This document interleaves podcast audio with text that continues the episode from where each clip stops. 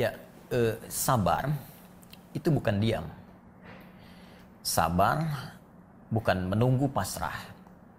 Ya, sabar adalah sebuah sikap menerima segala keputusan yang telah Allah tetapkan diiringi ikhtiar. Ya, catat kalimat ini. Diiringi ikhtiar untuk mengatasi hal dimaksud dan menyerahkan seluruh hasilnya kepada Allah Subhanahu wa taala untuk menerima ridhanya. Itulah sabar. Ya, bahkan dalam konteks menghadapi wabah ini, Nabi langsung memberikan penjelasan tentang sabar ya, dalam menghadapi wabah supaya tidak banyak orang memberikan tafsiran. Ya kata Nabi dalam riwayat eh, sahabat Amir bin Sa'id radhiyallahu taala anhu beliau pernah menyampaikan qala qala Rasulullah sallallahu alaihi wasallam fa idza waqa'a bi alaihi wa idza waqa'a bi ardin fala takhruju firaran minhu. Ya kata Nabi, kalau wabah itu terjadi di satu tempat, maka cara sabar menghadapinya di antaranya. Ya. Karantina wilayah yang telah diketahui ada wabah itu. Orang yang di luar wilayah jangan masuk ke situ. Orang yang di dalam sabar, jangan keluar karena ingin lari dari wabah, lantas tak sadar pindah wilayah terjangkiti ya oleh wabah yang terjadi di tempat dia tinggal. Nah, ini, ini kalimat nabinya. Kalimat yang kedua, ada hadis yang disampaikan oleh Abu Usaib radhiyallahu taala anhu ketika beliau berkata, qala qala Rasulullah SAW, atani Jibril alaihi salam bil huma wa ta'un. Fa al huma bil Madinah wa nasyarat ta'un fi syam. Ya, kata Nabi, Jibril mendatangiku menginfokan bahwa umat Muhammad SAW akan diuji dengan demam dan wabah. Dan nanti banyak yang wafat ya dalam kondisi itu. Nah, demam akan terjadi di Madinah dan wabah akan menyebar di Syam. Ya, Syam sekarang ada empat wilayah, empat negara. Ya, Lebanon, kemudian Palestina, Jordania, ada Syria, 8 tahun setelah Nabi wafat, tahun 18 Hijrah, tepatnya ketika Khalifah Umar bin Khattab radhiyallahu taala anhu memimpin, ya dan wilayah Islam sudah meluas. Ya, base-nya, ibu kotanya ada di Madinah, tapi luasnya wilayah menjangkau sampai ke wilayah Syam. Dan terjadi wabah di Syam. Benar apa yang disampaikan Nabi. Nah, terjadilah kemudian wabah itu di Syam dan bagaimana kemudian cara sahabat menangani itu semua dalam mempraktekkan petunjuk Nabi SAW. Ini yang sangat menarik. Di, Nabi memberikan petunjuk saat beliau hidup, ya tentang karantina, ya tentang bersabar, tentang macam-macam. Itu dipraktekkan oleh Umar. Yang paling menarik adalah bagaimana Umar selaku pemimpin bersinergi dengan stakeholder negara pada saat itu dan di wilayah tempat adanya wabah. Ya, Umar pemimpinnya, Amr bin As, ya gubernur di Syamnya.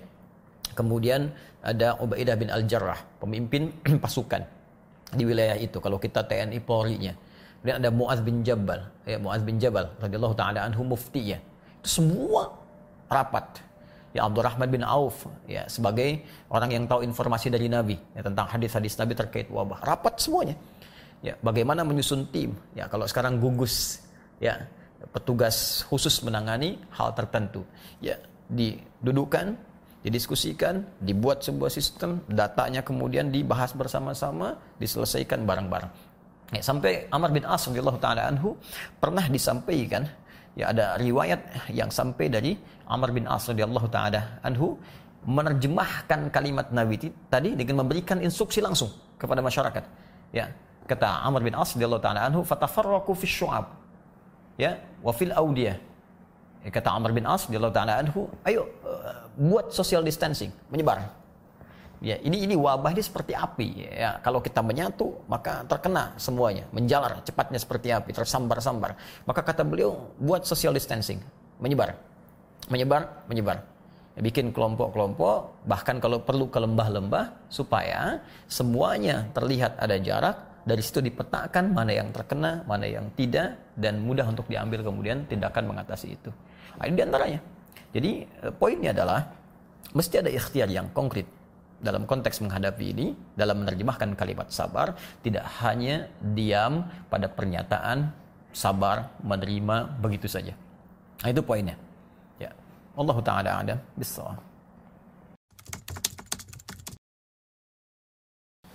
Baik, cara konkret berikhtiar kalau kita mengambil dari kalimat tadi yang telah kita bahas, pertama mesti ada sinergi. Ya, kalau konteks kita sekarang di negara kesatuan Republik Indonesia, kita semua mesti bersinergi. Ya, kalau kita ingin amalkan sila ketiga Pancasila, ya, persatuan Indonesia. Ini saatnya kita amalkan. Semua bersatu, rakyat bersatu, ya dukung pemerintahnya mengatasi itu, pemerintah bersinergi dengan wilayah-wilayahnya, gugusnya kemudian dioptimalkan, ya pemuka agamanya kemudian juga didorong untuk memberikan ketenangan pada masyarakat, ya, hal-hal yang mungkin muncul di tengah masyarakat untuk diberikan solusi, keluar fatwa-fatwa, nah, itu bersinergi semua. Ini bagian pertama. Jadi kalau kita tidak bersinergi, maka yang terjadi nanti adalah kesulitan mengatasinya. Alih-alih kita katakan kekacauan misalnya. Ya, Anda bisa bayangkan kalau dalam situasi yang tengah kita mengatasi wabah masih ada yang bikin hoax, kan? Masih ada yang saling mencela, ya, masih ada yang saling ingin menikam dan sebagainya. Bagaimana kemudian bisa bisa mengatasi hal yang besar sementara yang kecil-kecil pun tak bisa kita atasi. Maka ini yang bagian yang pertama, kita harus bersatu.